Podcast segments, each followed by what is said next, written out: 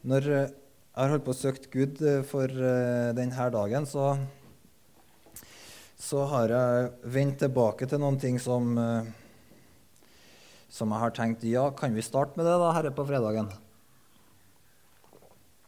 Kanskje vi skal begynne et annet sted? Og så har jeg søkt Gud, da. Kanskje vi kan begynne et annet sted? Og så da, Han er ikke så lett å snu av og til, Herren. Så da ble jeg veldig glad egentlig når jeg kom hit igjen og ble minnet på det her ordet som eh, Stina eh, brakte fram i lyset. Husker dere det som eh, Gabriel hadde gjort? Han som ikke likte plommer. Og så smakte han ei plomme, og så oppdaget han at det var godt. Og det var et ord til oss for denne helga. At eh, det var ting som vi har tenkt nei, det her smaker ikke noe godt. Og så prøvde du det likevel. Og så oppdager jeg hei, Janne, det her var topp. Eh, så da når Stina delt minte oss på det igjen, så tenkte jeg ja, men det er jo kanskje det var det her Nå er vi i hvert fall i gang. Så overskrifta for kvelden, det er 'Gud er en dommer'. Ok? Og da vil jeg tro at når vi har smakt sammen i kveld, så, vi, så kommer vi til å kjenne at det smaker godt. Guds dommer smaker nydelig. Og at Gud er en dommer, det er forfriskende, oppløftende og alt som godt er. Eh, så du vet, Dom det er ofte noe negativt når vi snakker om det sånn, for det dukker opp. Dom dukker opp når noe negativt ofte har skjedd. Ikke sant? Når noe urett har skjedd, så kommer dom på banen. Men eh, dom, Gud han begynte å dømme lenge før var, noen hadde gjort verken rett eller galt. Gud han var en dommer helt fra begynnelsen av. Og for å dømme det handler egentlig om å skille ting fra hverandre. dypest sett.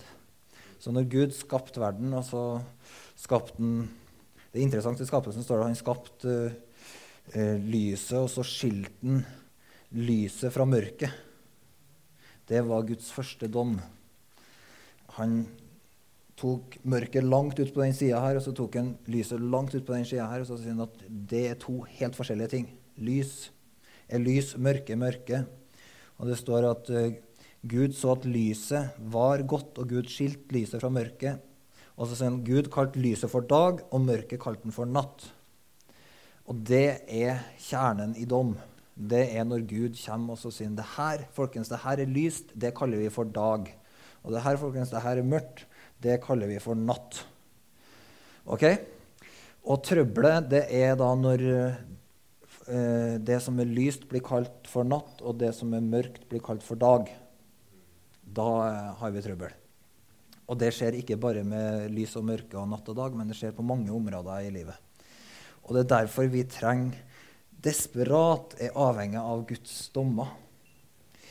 Um, så, og du vet når eh, Helt i begynnelsen Eller ikke helt i begynnelsen, nå er vi ferdig med begynnelsen. Men i, eh, altså, du har noen sånne dagsaktuelle saker i verden i dag som viser oss hvor veldig viktig det er med en rett dom. For et samfunn, et godt samfunn, det holdes oppe ved dom. Så eh, hvis dere har lest på nyhetene Det er masse dommer som skrives om i nyhetene hele tida. Så dom er liksom, det er kjempeviktig for alle mennesker. Men hvis dere har lest i nyhetene, så vet dere at eh, på Filippinene så er det en ny president. Og han har begynt å føre krig mot narkotika på Filippinene. Og det gjør han ved at han Det virker som at de bare tar livet av alle som de antar er involvert i narkotika på ulike måter. Og det skjer uten rettssaker og dom. Så folk som har en slags autorisasjon fra myndighetene uten at det er helt offisielt. De eh, reiser ut i områder der det er mye narkotikakriminalitet, og så uten at folk blir tatt til fange og kjørt gjennom en rettssak og får saken sin prøvd, så blir de bare drept. Okay. Det skaper kjempeutfordringer for et samfunn når folk ikke har et rettsvern, fordi at mange, mange vil være enig i at du trenger å straffe dem som er forbrytere. Men så skjer det at mange som ikke er forbrytere, eller som bare er i familie eller relatert til forbrytere, de blir tatt livet av. Og det gjør at hele samfunnet får en kjempeutfordring innenfra. Fordi at, uh, at uh, det, det, som skjer, er ikke rett. Da får du, en, får du en utfordring som kanskje er enda større enn kriminaliteten. fordi at hvis styresmaktene ikke har respekt i et samfunn, da har du det komplette kaos. Ok, Vi trenger å be til Gud da, for Filippinene i denne situasjonen. Så har du den andre ytterkanten som vi har opplevd i Norge, der en, en mann som tok livet av 88 ungdommer, fikk 21 års fengsel. Og det er jo straffen du får i Norge for å ta ett liv. Men han fikk 21 år for 88 liv. Og så lever han et fengselsliv som veldig mange vil si er altfor eh, godt. Det bærer for lite preg av en straff. Det virker andre veien igjen. Sant? Hvis du tar Filippinene på ene sida, der du har en, et uh, kriminaloppgjør som bare tar livet av folk uten at de har en rettssak, og så har vi kanskje det norske på den andre yttersida, som gjør at folk føler ikke at han har fått straff nok. Han skulle i hvert fall hatt 21 ganger 88 års fengsel. Minst. Hvert enkelt av de her livene han tok, er akkurat like mye verdt. De trenger akkurat like mye en godtgjørelse i form av en straff. Det som er faren her, det er at, at ønsket om som sjøljustis vokser fram. Folk får lyst til å ta hevn. Mm. Hvis ikke det er fellesdom. Så, så jeg er utrolig takknemlig for rettsvernet vi har i Norge. Men vi trenger å be for dem som bestemmer lover. Sånn at uh, f.eks. sånne rettsavgjørelser som vi så på en sånn overgrepssak her i media nylig, hvor de skyldige ikke eller de som er antatt skyldige, ikke blir dømt, og så står offeret fram og henger dem ut i sosiale medier og lager en offentlig gapestokk. Og det på en måte så føler så Opplevelsen til den jevne nordmann er det er helt OK. Men egentlig så får vi en sånn sjølhevn fordi at ikke rettssystemet er strengt nok. Men jeg nevner disse tingene fordi at dom er så bra. Når, det først har, når mørke og lys har blitt blanda, så er dom så utrolig bra. Og det eh, og jeg er så utrolig dypt dypt takknemlig for at Bibelen sier helt fra begynnelsen til slutt at Gud, som har skapt verden, han skal dømme verden. Og så sier Bibelen at en gang for 2000 år siden så felte Gud en dom på korset. Der tok Gud og straffa all verdens synd og urett begått av alle mennesker til alle tider i én handling, da han som var uskyldig, fikk straffen til alle som var skyldig. Da ble Jesus dømt av Gud til å ta all verdens synd på seg. Og Så sto Jesus opp fra de døde, og så forteller Bibelen oss at alle som tror på han, de har gått over fra døden til livet. De kommer ikke for dommen. Det betyr Gud som har skapt verden, han er hele universets dommer, og han dømmer alle mennesker, all urett, i alle tider.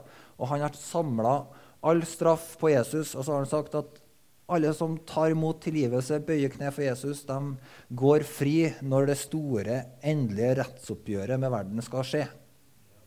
Da er det frifinnelse, liv, for alle som tror på Jesus og bøyer seg for hans styre. Han er den eneste stedet der du kan finne tilgivelse, som gjør at når du kommer på dommens dag, så vet du du går fri. Du kommer ikke for dommen, men du er tilgitt.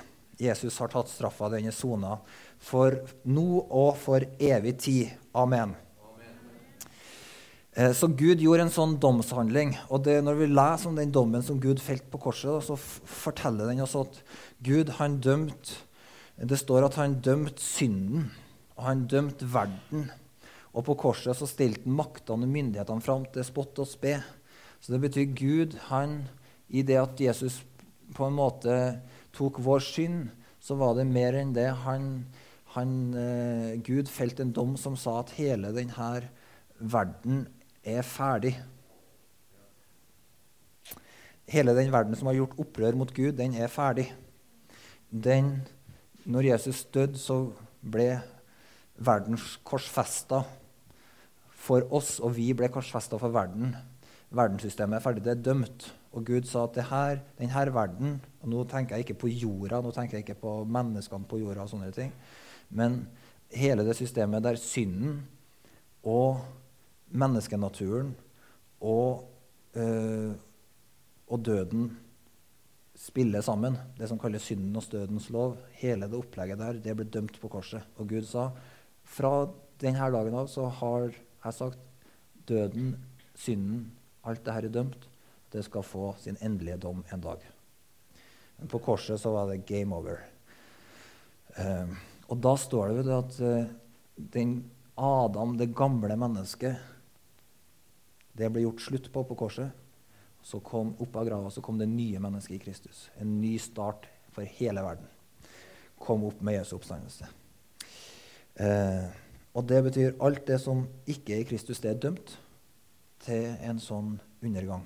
Men Gud har en frelse for alle som tror på Han, og han har en frelse for hele sin verden. Alt han har skapt. Så Gud har en frelsesplan. Men, så, men det som er litt interessant, da, det er at, uh, at uh, sjøl for oss som er ferdig med dommen, så kjenner vi Jesus som dommer. Det har jeg hatt lyst til å bruke litt tid på i dag. Fordi Bibelen snakker veldig mye om at vi som kristne trenger en dømmekraft. Vi trenger å forstå hva som er Guds vilje. Vi trenger evne til å skjelne rett fra galt. Vi, I menigheten i Trondheim har vi holdt på å lest i Efeserbrevet i, i september. Og der ber Paulus denne bønna. Eh, Ah, hvor eh, eh, Skal vi se hvor han ber Her er det. I Filipperne 1 av vers 9 så står det det her ber jeg om at deres kjærlighet må bli mer og mer rik på innsikt og dømmekraft, slik at dere kan forstå og avgjøre hva som er viktig, og stå ren og uten feil på Kristi dag, fylt, fylt av rettferdsfrukt som vokser fram ved Jesus Kristus til lov og ære for Gud.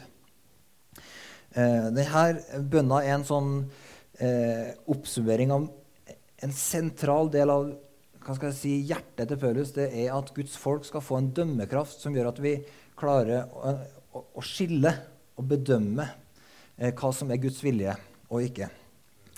Eh, og det her er kjempeviktig. Fordi at Gud han ønsker å ha oss med på det han gjør. Og så ønsker han at midt i en verden som er, helt, eh, er prega av sviktende dømmekraft, så ønsker han at det skal stå fram en menighet, et folk, eh, en brud for Jesus, som er hellig og ren og full av gudsfrykt og dømmekraft. Så Gud han bruker sine dommer til å oppdra oss sånn at menigheten hans kan bli den modne mann og kan fyll, bli fylt av hele Kristi fylde og, og alt det her. Som eh, kommer ved at vi lever i en pågående dom fra Gud. Så før vi gjør det, så har jeg bare lyst til å si eh, kommentere en ting. For når vi snakker om dom nå her i kveld, da, så er det to, skal, to tanker vi må ha med hodet. Det ene var at vi må huske på denne saken at på korset så ramma dommen Jesus. Det betyr at vi ikke skal fram for dommen. Men det fins en dommens dag som er for alle som står Gud imot. Alle som står evangeliet imot, så finnes det en dag med dom. Da skal synden og døden dømmes, og, og djevelen og alt hans apparat skal dømmes. Og så, og så eh, står det at på den dagen så skal vi fram for Kristi domstol. Og det er veldig viktig. Kristi domstol, folkens, det er Skal du forstå livet med Gud, så må du, må du ha det klart for deg. Hva er Kristi domstol? Og det eh, kan vi se på i første kor tre. Men det jeg bare skulle si om den andre dommens dag, det betyr at Gud skal ta et oppgjør med all urett som skjer i verden i dag. Gud ser ikke mellom fingrene med synd. Han tar et oppgjør med synd. Han skal dømme alle som er, har et ansvar i høye stillinger. Han skal gå i rette med konger og presidenter og undertrykkere og alt sånn. Gud skal gå i rette med det. Eh, men det som er veldig bra, det er at Gud sier og kan, Hvis du trenger bibelvers på det, så kan jeg gi deg det etterpå. Men Gud sier klartekst i ordet sitt at vi trenger ikke å dømme verden. Vi trenger ikke å bruke energi på å felle en dom over alt det urettferdige som skjer rundt oss, og si og på en måte felle den endelige dommen over det. Gud er en dommer over det. Og Gud har i denne verden som ligger i mørket, så har Gud innsatt styresmakter som han har innsatt som dommere i samfunnet, de har et ansvar. Og Bibelen sier vi er kalt til å være med og be til Gud for dem. Da mener jeg de folka som har ansvar, politikere, styresmakter, alt sånt. De er innsatt av Gud. De er en gave fra Gud til oss. Og, og ja, Samme om de er kristne eller ikke. De er innsatt av Gud, og vi forholder oss til dem sånn. Men vi trenger ikke å dømme verden. Når folk er syndere, så er det de trenger, evangeliet. Du trenger, Det de trenger, det er å få høre de gode nyhetene om frelse i Kristus Jesus. Fordi Jesus han kom ikke for å dømme verden, men for å frelse verden. Og han, Gud har reist ham opp for at han skal være en dommer, dommer over levende og døde. Men i denne tida som vi lever i nå, så er det nådedørene er vid åpne. Så budskapet vårt hele tida i møte med alle mennesker, det er at døra for nåden er åpen. Dommen kommer, men Gud har brakt frelse på korset. Og vi slipper faktisk å gå rundt og surne hver gang en hedning gjør noe dumt. Du kan være lykkelig og glad fordi Gud har frelst deg, og han tar et oppgjør med all dumskap. Hvis ikke folk bøyer kne for Jesus, så, så tenker jeg du du trenger ikke å prøve å være streng på Guds vegne. Ok? Gud Overlat hevn til Gud. Om du blir urettferdig behandla, overlat hevn til Gud. Du trenger ikke å forsvare din egen sak. Gud er en rettferdig dommer. Og Så kan du stå opp for urett i møte med andre mennesker som det blir gått urett mot, men du slipper å la sånn som Terje sier, du slipper å la alt det urettferdige som skjer, bare ta fokuset ditt. Du kan fokusere på Gud og vite at han er en rettferdig dommer over all urett. Eh, så verden, den trenger vi ikke å bruke veldig mye energi på når det handler om det her med dom. Fordi at Gud har innsatt sitt opplegg, og han eh, gjør det på sin måte. Nå skal vi høre her om Kristi domstol i 1. Korinterbrev kapittel 3 skal bruke et kvarter 20 minutter. Jeg ser dere er så trøtte at uh, vi må bare Men uh, på et kvarter 20 minutter skal vi få med noen veldig gode ting her, som jeg tror til og med Ole Mikka kommer til å holde seg våken gjennom det her i 20 minutter. OK. Ifra vers 10 i kapittel 3 i 1. Korinterbrev. Skal jeg si en hemmelighet? Ole Mikael er den som ser mest opplagt ut av dere alle. Men jeg tenkte, siden han var så opplagt, så var det sikkert enklere for han å ta en sånn enn dere som sitter og er sånn halvsur og trøtt.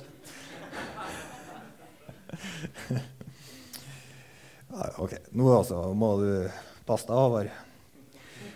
Fokus. I kraft av den nåde Gud har gitt meg, la jeg grunnvollen som en klok byggmester, en annen bygger videre men hver enkelt må være nøye med hvordan han bygger. Ingen kan legge noen annen grunnvoll enn den som er lagt, Jesus Kristus. Men om noen bygger på grunnvollen med gull, sølv eller edelstener, med tre, høy eller halm, skal det en gang vise seg hva slags arbeid den enkelte har gjort. Herrens dag skal gjøre det klart, for den åpenbarer seg med ild, og ilden skal prøve hvordan den enkeltes verk er. Om det byggverket noen har reist, blir stående, skal han få sin lønn. Dersom det brenner opp, må han lide tapet. Selv skal han bli frelst, men bare som gjennom ild. Vet dere ikke at dere er Guds tempel, og at Guds ånd bor i dere? Dersom noen ødelegger Guds tempel, skal Gud ødelegge han, for Guds tempel er hellig, og dette tempelet er dere.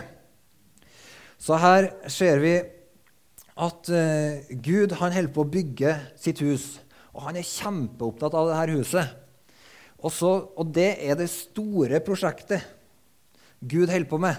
Gud han sendte Jesus til jorda, lot han dø på et kors, reiste opp fra de døde. Opp fra grava til Jesus så kom det en kropp og et hus. En kropp og et tempel. Og det Gud holder på å gjøre, det er at han fyller jorda med denne kroppen. Han fyller jorda med dette huset. Og det gjør han veldig enkelt, for han holder på å åpenbare sin herlighet. Det viktigste Gud holder på med i dag, det er at han bygger sitt hus på jorda. Og han gjør det ved at han renner ut sin ånd, og at han frelser mennesker ved evangeliet. Og så bygger han dem sammen, og så fører han oss inn, da som Paulus sier her, på denne grunnvollen, der hver enkelt av oss blir bygd inn i huset.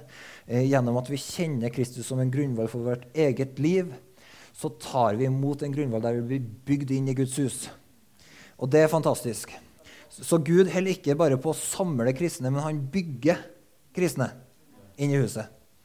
Eh, det vi, når vi så på Efreserbrevet, så så vi en del på det her at Gud snakker om å bygge. Men, men her snakker da Paulus om en grunnvoll. Da forstår vi denne grunnvollen, Kristus, det er da avgjørende for at vi blir bygd inn i huset til Gud, og ikke sviver rundt på utsida.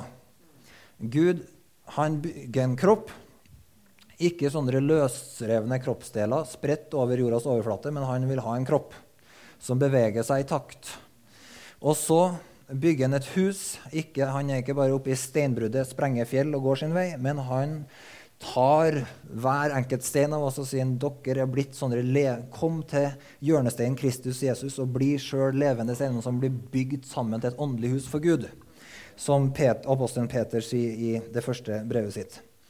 Så her snakker Paulus om den grunnvollen som uh, han har lagt som en klok byggemester. Og så sier han da at hver enkelt må være nøye da, med hvordan han bygger. Eh, og så snakker han da om at det må bygges med gull, sølv eller edelsteiner. Eh, fordi alternativet, da, som er høy og tre og halm, det eh, Så her snakker han da om at det må være en byggekvalitet som tåler ilden. Nå må vi huske på her igjen, Når vi snakker om den dommen her, så snakker vi ikke om en ild som i en evig fortapelse. Det er ikke den ilden det er snakk om her. Ok? Fordi at I Bibelen så brukes ilden om fortapelsen som et, et, bilde på hva som skjer der. Den ilden som det er snakk om her, det er ikke en sånn fortapelsesild. Dette er snakk om en testeild. Bildet henta fra gullsmeden, eller ikke gullsmeden, men de som holdt på å utvant gullet og slagget og sølvet og gullet som blir skilt fra hverandre med temperatur. Ok? Eller det er et bilde av en brann som da du setter fyr på et hus, og alt brenner opp, bortsett fra det som holder. Det er ikke tre, det er ikke halm, det er ikke strå, men det er noe som blir stående. Det er gull, sølv og edelsteiner. Ok? Så det her bildet er en sånn test. Det er snakk om hele veien her. Eh, og, og, da er det fantastiske da, at, at, Gud sier at eh, på Jesu dag så vil det være en åpenbaring av det måten vi har bygd på grunnvollen.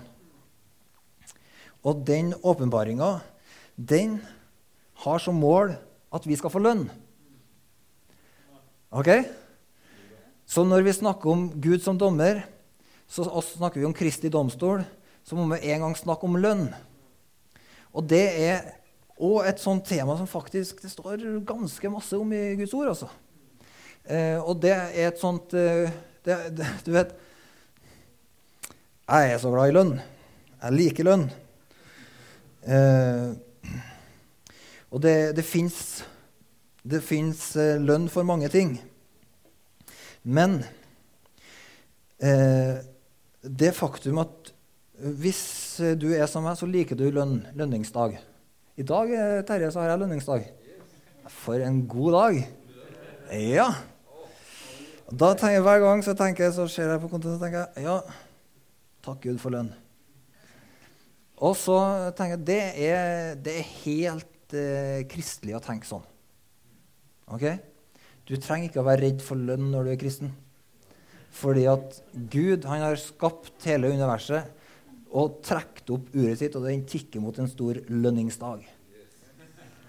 Ok?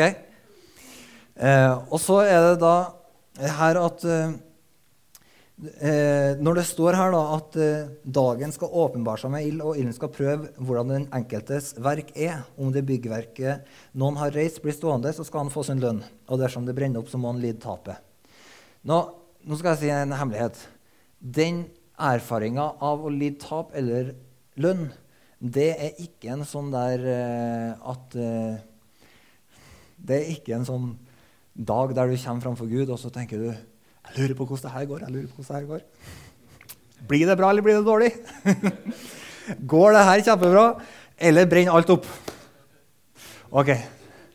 Det, eh, det er ikke en sånn lønningsdag. Jeg hadde noen sånne, av og til noen sånne eksamens... Eh, vet, satt på sånn eksamen og oppdatert. Nå kommer karakteren snart. Hva blir det? Blir det A eller blir det E, liksom? Blir det A eller blir det E? Blir det A, eller?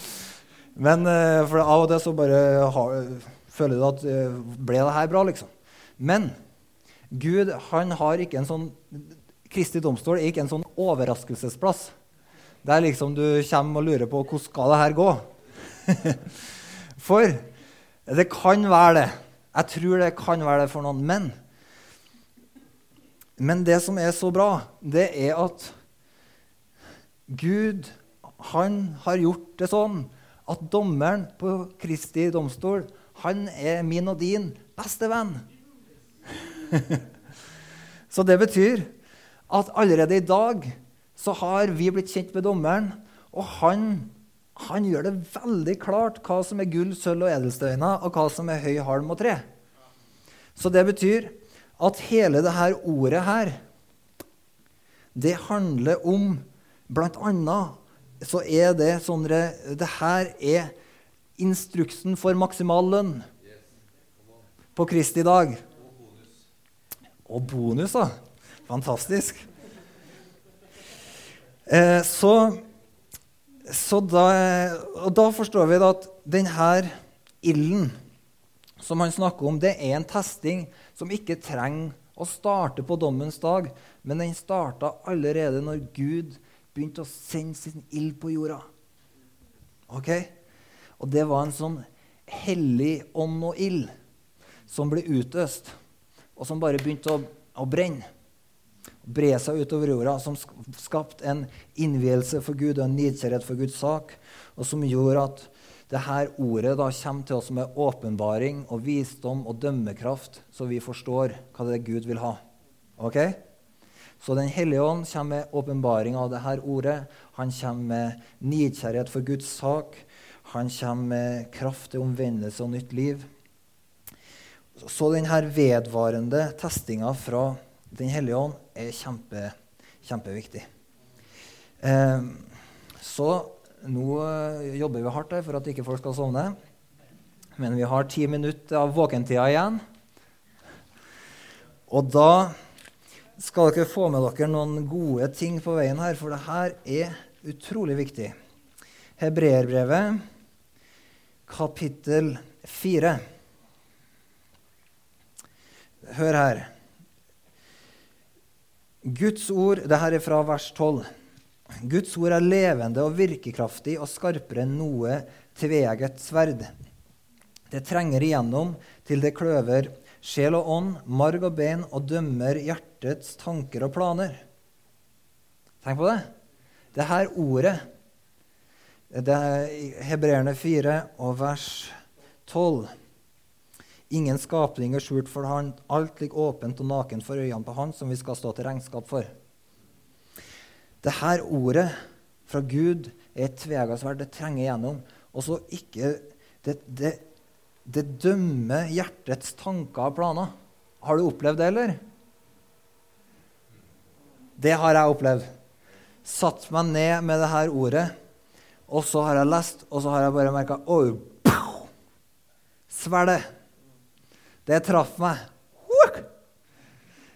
Rett inn i hjertets tanker og planer. Og så ramma det, og så sa det Oi, Håvard, nå nå er sverdet her. Nå har du en kjempeanledning til å vende om. Og så kom ordet, og så dømte det meg. Og dømte hjertets tanker i en situasjon f.eks. Du var gretten, og så holder du på å snakke med Gud om den elendige andre personen som du er gretten på. Hvem nå enn det er. Og så kommer sverdet til deg når du sitter i ordet, og så bare boom! Nei, det handler ikke om den her elendige andre personen. Det er dom for deg, min kjære sønn. Og så kommer ordet med oppdragelse og veiledning, sånn at dommen fra Gud Domstolen er allerede i gang. Vet du? Derfor er, derfor er det så utrolig viktig å være til stede når Guds ord blir forkynt. Sånn at vi får, får liksom denne domsjusteringa fram mot Kristi dag. Så vi kan få komme på plass. Og så er det sånn Kom ordet, og så Å, der for høysotten ut. Fikk vi på plass litt gull isteden vender vi om, og så pang! Der smalt den edelsteinen på plass. Og så lever vi i en sånn vedvarende dom. Så, så, ordet rammer hver enkelt av oss. Og så står det en annen sånn domshandling som skjer. Vet dere hvorfor? Dette er så viktig, for at Gud han holder på å løfte sin menighet ut av mørket, ut av gjørma, ut av øh, Ok? Så hvis du ser på samfunnet rundt deg og så tenker å, det er så mye ugudelighet, og tenker du på, ser du på Guds menighet, så tenker du den biskopen der har falt fra Men nei, Gud holder på å jobbe med dom. Han jobber med dom i dag, for han holder på å løfte menigheten sin ut av alt det der. Og Derfor så trenger vi å ta imot Guds dommer, så han kan få en menighet som er hellig, ren og vakker og uten lyte og vaska ren i Jesu blod og ordet og full pakke. Amen. Eh, jo, vet du, det samme Denne personlige rettledninga, den skjer òg hver gang vi bryter brødet. Det, vet du hva? Brødsbrytelse, det er domshandling i menigheten. Den som i første kor 11, eh, i vers 27 eh, står det den som spiser brødet eller drikker av Herrens beger på urett vis, gjør derfor urett mot Herrens kropp og blod. Og så står det enhver må prøve seg selv, og så spise av brødet og drikke av begeret. For den som spiser og drikker uten å tenke på at det er Herrens kropp, spiser og drikker seg selv til doms. Så, og det her er interessant, så Brødsbrytelsen den vender med en gang tilbake til oss sjøl. Så brødsprøytelsen da, det er ikke noen anledning for å se deg rundt i rommet og så se er det noen som har synda siste uka. Du må skjerpe deg. Nei, det virker ikke sånn, men den virker, Gud bringer fram ting i ditt liv. Så når du ser på brødet, så tenker du på kroppen til Jesus. Og så tenker du Jesus, jeg ser kroppen din, jeg ser alle lemmene på hele kroppen din. Og jeg tenker, Jesus, er det noen ting som jeg trenger å gjøre opp med noen søsken? Er det noen ting i mitt eget liv, er det noen holdninger, er det ting jeg har sagt eller gjort? Nei, ingenting. Da spiser jeg. Takk, Jesus. Halleluja. Amen. Da, og uttrykker pakt. Og Hvis vi ikke tenker på kroppen til Jesus, så står det her at da spiser vi oss sjøl til doms. Okay? For Gud vil at vi skal være opptatt av kroppen til Jesus. Han vil at vi skal ha et rett forhold til alle kristne. Og forholdet vårt til Jesus, for det er Herrens egen kropp, Forholdet vårt til Jesus gjenspeiler seg i forholdet vårt til søsken. Så her er dom. Så det betyr hvis du lever i brødsbrytelse på en rett måte fram mot dommens dag, da har du din sak i orden med kroppen, så har du din sak i orden med hodet. Det er kjempebra. Så det er en vedvarende dom som bare hele tida sørger for at menigheten er sånn usyra brød hellig, ren, satt til side for Gud. Så gjør det. Bryt brødet sammen, søsken, og, og gjør opp din sak med en søster og en bror. OK. Ja, vi er innafor soveskjemaet. Skal vi se. Nå skal jeg ta med et eh, siste, en siste sak her, fordi eh, Hør her i 1. Peters brev så står det I kapittel 4 vers 17 så står det For nå er tiden kommet da dommen skal begynne, og den skal begynne med Guds hus. Men kommer dommen over oss først, hvordan går det da til slutt med dem som er ulydige mot Guds evangelium? Eh, er det vanskelig for den rettferdige å bli frelst? Hvordan skal det da gå den ugudelige og synderen? Eh, så her sier han at eh, dommen Nå er tida hvor dommen begynner. Sant? Dommen begynner ikke på dommens dag, den har allerede begynt. Og hvor har den begynt? den? Ikke, ikke med de ugudelige, men den har begynt i Guds hus. Eh, ref. ordet som kommer til oss justerer oss. Ref. brødsbyttelsen som virker. Um, og sånn finner vi Vi har ikke tid til å gå inn på det, men uh, du kan lese f.eks. i apostelgjerningene så kan du lese om hvordan eh, apostlene og de eldste i Jerusalem kom sammen og jobba ut dommer i forhold til lærespørsmål. De hadde en case opp med omskjærelse i forhold til rettferdiggjørelse ved tro. Og så jobba de ut en, en, apostolisk dom i menigheten. Så i lærespørsmål så har vi sånne Det fins et forum i Guds hus for å si det her er, er sånn, det her er Guds ord til oss. Det her er sunn lære. Så finner du doms i andre kor eh, kapittel 5, så kan du se et eksempel på hvordan eh, dom over synd kan føre til, for at mennesker skal bli frelst, at, at de i siste instans, når du har formant folk til å leve omvendelse, så finnes det et sted der, trenger, der Guds menighet trenger å ta et oppgjør med synd på en sånn måte at eh, når syndere når kristne søsken ikke vender om fra synd, så må òg kristne søsken smake frukta av å leve i synd. Jeg skal ikke gå veldig mye mer inn i det, men, eh, men eh, og hensikten med det, det er at de skal få komme tilbake til frelse igjen. Eller kom tilbake til omvendelse. Ok? Det kan vi ta et bibelstudium på en gang, men det, er, det innebærer bl.a. at vi trenger som kristne å si at det, Eller vi trenger å be om at i enhver by i Norge så må vi se en, et lederskap i byen som håndterer sånne ting. For det er en kjempeutfordring i Norge i dag at eh, når synd Hvis en søster og en bror lever i en synd som de ikke vender om fra, trenger å vende om fra, så er det en kjempeutfordring at de bare finner ei åpen dør i en annen menighet som ikke tar oppgjør med ting. Og så ser du at det som kunne ha blitt til frelse for det mennesket, det blir bare til undergang. Jeg skal ikke bruke noe mye tid på det, men jeg har lyst til å ta med et avsnitt fra Judas brev som er veldig oppmuntrende i forhold til det her med lønningsdagen. Og som gjør at du leser Bibelen inn i livet ditt. Judas brev han har gjemt seg akkurat før Johannes' åpenbaring, eh, så han er nest bakerst. Han skriver noe veldig bra om dem. Judas brev og vers eh, 3 og utover. Mine kjære, jeg har hatt et inderlig ønske om å skrive til dere om frelsen vi har sammen. Men nå ser jeg meg tvunget til å sende dere noen formanende ord om å kjempe for den tro som de hellige en gang for alle har fått overlevert. For det har sneket seg inn visse folk blant dere, ugudelige mennesker, som for lengst er oppskrevet til dom.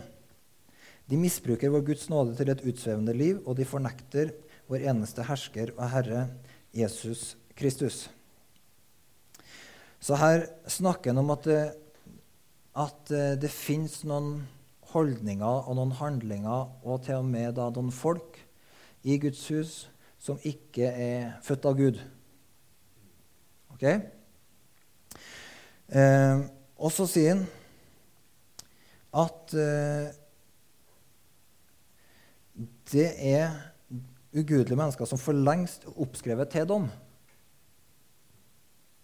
Og det er en veldig interessant side med alle Guds dommer, fordi at Guds dommer virker sånn at den, når Gud har dømt en ting i historien, så er den dommen gyldig i dag.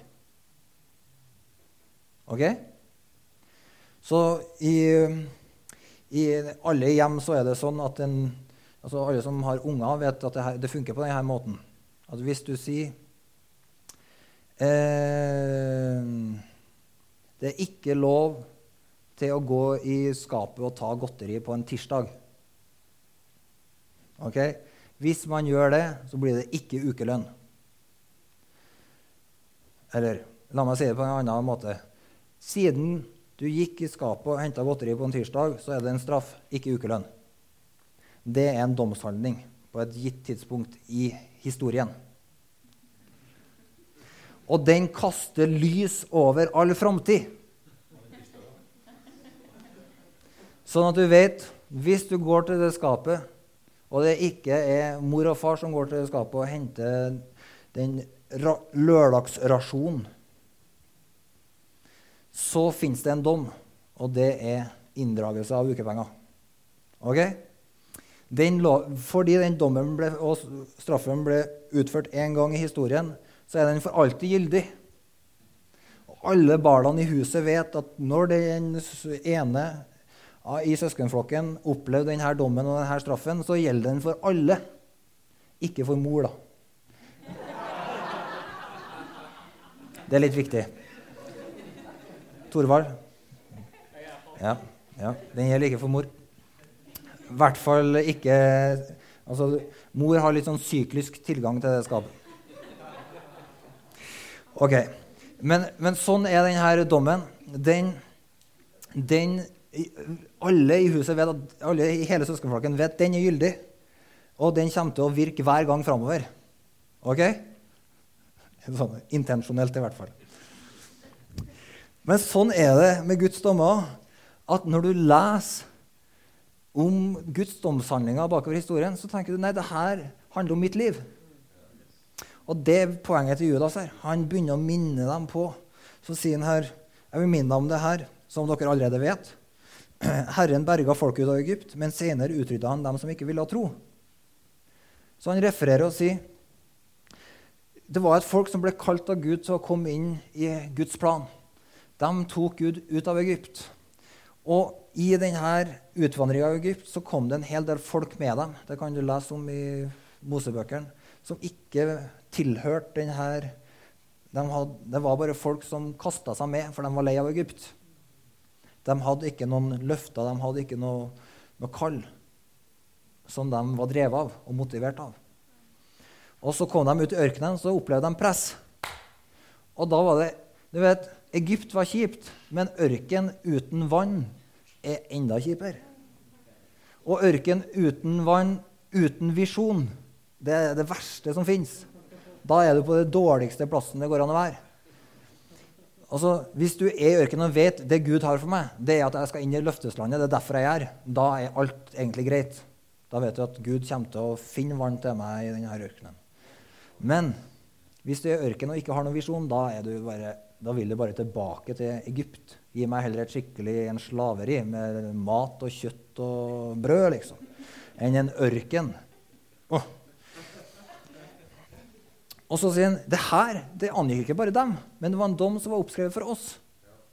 Vi trenger, vi, Hvis du ble frelst inn i Guds hus bare fordi du egentlig, egentlig så handla det om at var litt, du var litt lei av uh, den gamle omgangskretsen din, eller du var klar for noe nytt, eller du ønska å bli velsigna av økonomien din, for du var på et møte der de snakka om økonomi, så tenkte du jeg trenger velsignelse av økonomien min, så jeg trenger Jesus.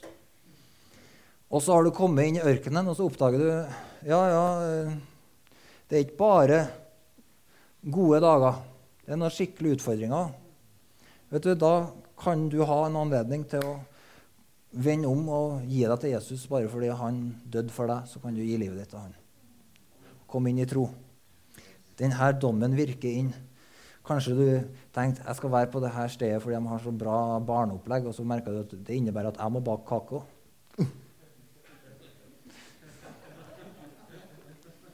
Ok. Herren berga folket ut av Egypt, men senere utrydda han dem som ikke ville ha tro. Den dommen gjelder for deg. Vi kan gå videre. Så nevner han ulike sånne eksempler på dom som virker inn i våre liv i dag. Vet du, Alle Guds dommer de er skrevet opp for at vi skal få være involvert i å bygge det som Gud vil ha. Sånn at han får huset sitt på sin måte, og vi får være med å bygge, bli bygd inn i huset med gull, sølv og edelsteiner, og så få være med som en del av alt Guds folk og stikke hodet inn i seierskransen på Jesu dag, og så få full lønn fra han. Ikke som noe overraskelse, og ikke heller å lide tap, men vi folkens skal sammen ha full pakke med bonus. OK. Jesus, takk, takk og takk for din nåde, Herre. Herre, takk for dommen på korset, Jesus. Herre, takk for eh, tilgivelse, forsoning, Herre, og evig liv med deg, Herre. Herre, takk for at frelsen vår hviler på deg og deg alene, Herre. Og takk for at du ikke bare frelser oss, Herre, men du vil gi oss, Herre, herre lønn for alt vårt strev under sola, Herre. Og Herre, takk for at alt du gjør, Herre, det er godt, Herre. Det er nåde over nåde, Herre. Og Herre, vi vil si til deg, Herre, i en tid i landet vårt, Herre, hvor vi kan observere og si det er så mye sviktende dømmekraft, Herre, og de som burde skilt lys fra mørke, Herre, de blander det sammen, Herre. Men vi vil bare si til deg takk for ordet ditt som er lys, Herre. Herre, takk for ordet ditt som et eh, levende ord, Herre, og som er som et sverd som trenger inn og dømmer hjertets tanker, Herre, og holdninger, Herre. Og takk for at vi kan slappe av fra å prøve å dømme alle rundt oss, men overlate dommen til deg, Herre, og vite at vi har mer enn nok, Herre, med å rydde opp i eget hjerte, Herre, og, og holde, lev ydmykt og rett med deg, Herre Jesus. Og så sier vi til deg, Herre, vi, vi sier til deg, Herre, la det være sånn, Herre, i, i, på de stiene vi bor, Herre, at, at ditt menighet, Herre, ditt hus skal stå fram, Herre, med herlighet, Herre, med skjønnhet, Herre, med hellighet, Herre, med med herre, en ren visdom ovenfra, Herre. For at vi skal få se herre, en forløsning av nåde og visdom og liv fra deg, Herre, i, herre, som viser seg i et rett liv, Herre, i kjærlighet, Herre, i, herre, i alle praktiske ting, Herre, som ekteskap og familieliv, Herre, økonomi, Herre, og alt det her, far. At vi skal få la dine dommer gå over hjertene våre, Herre, over livene våre, Herre. Og at vi hver dag sammen kan bryte brødet, Herre og sammen, Herre, og vite at vi minnes din død oppstandelse helt til du kommer tilbake igjen, far. Herre, halleluja, halleluja, amen.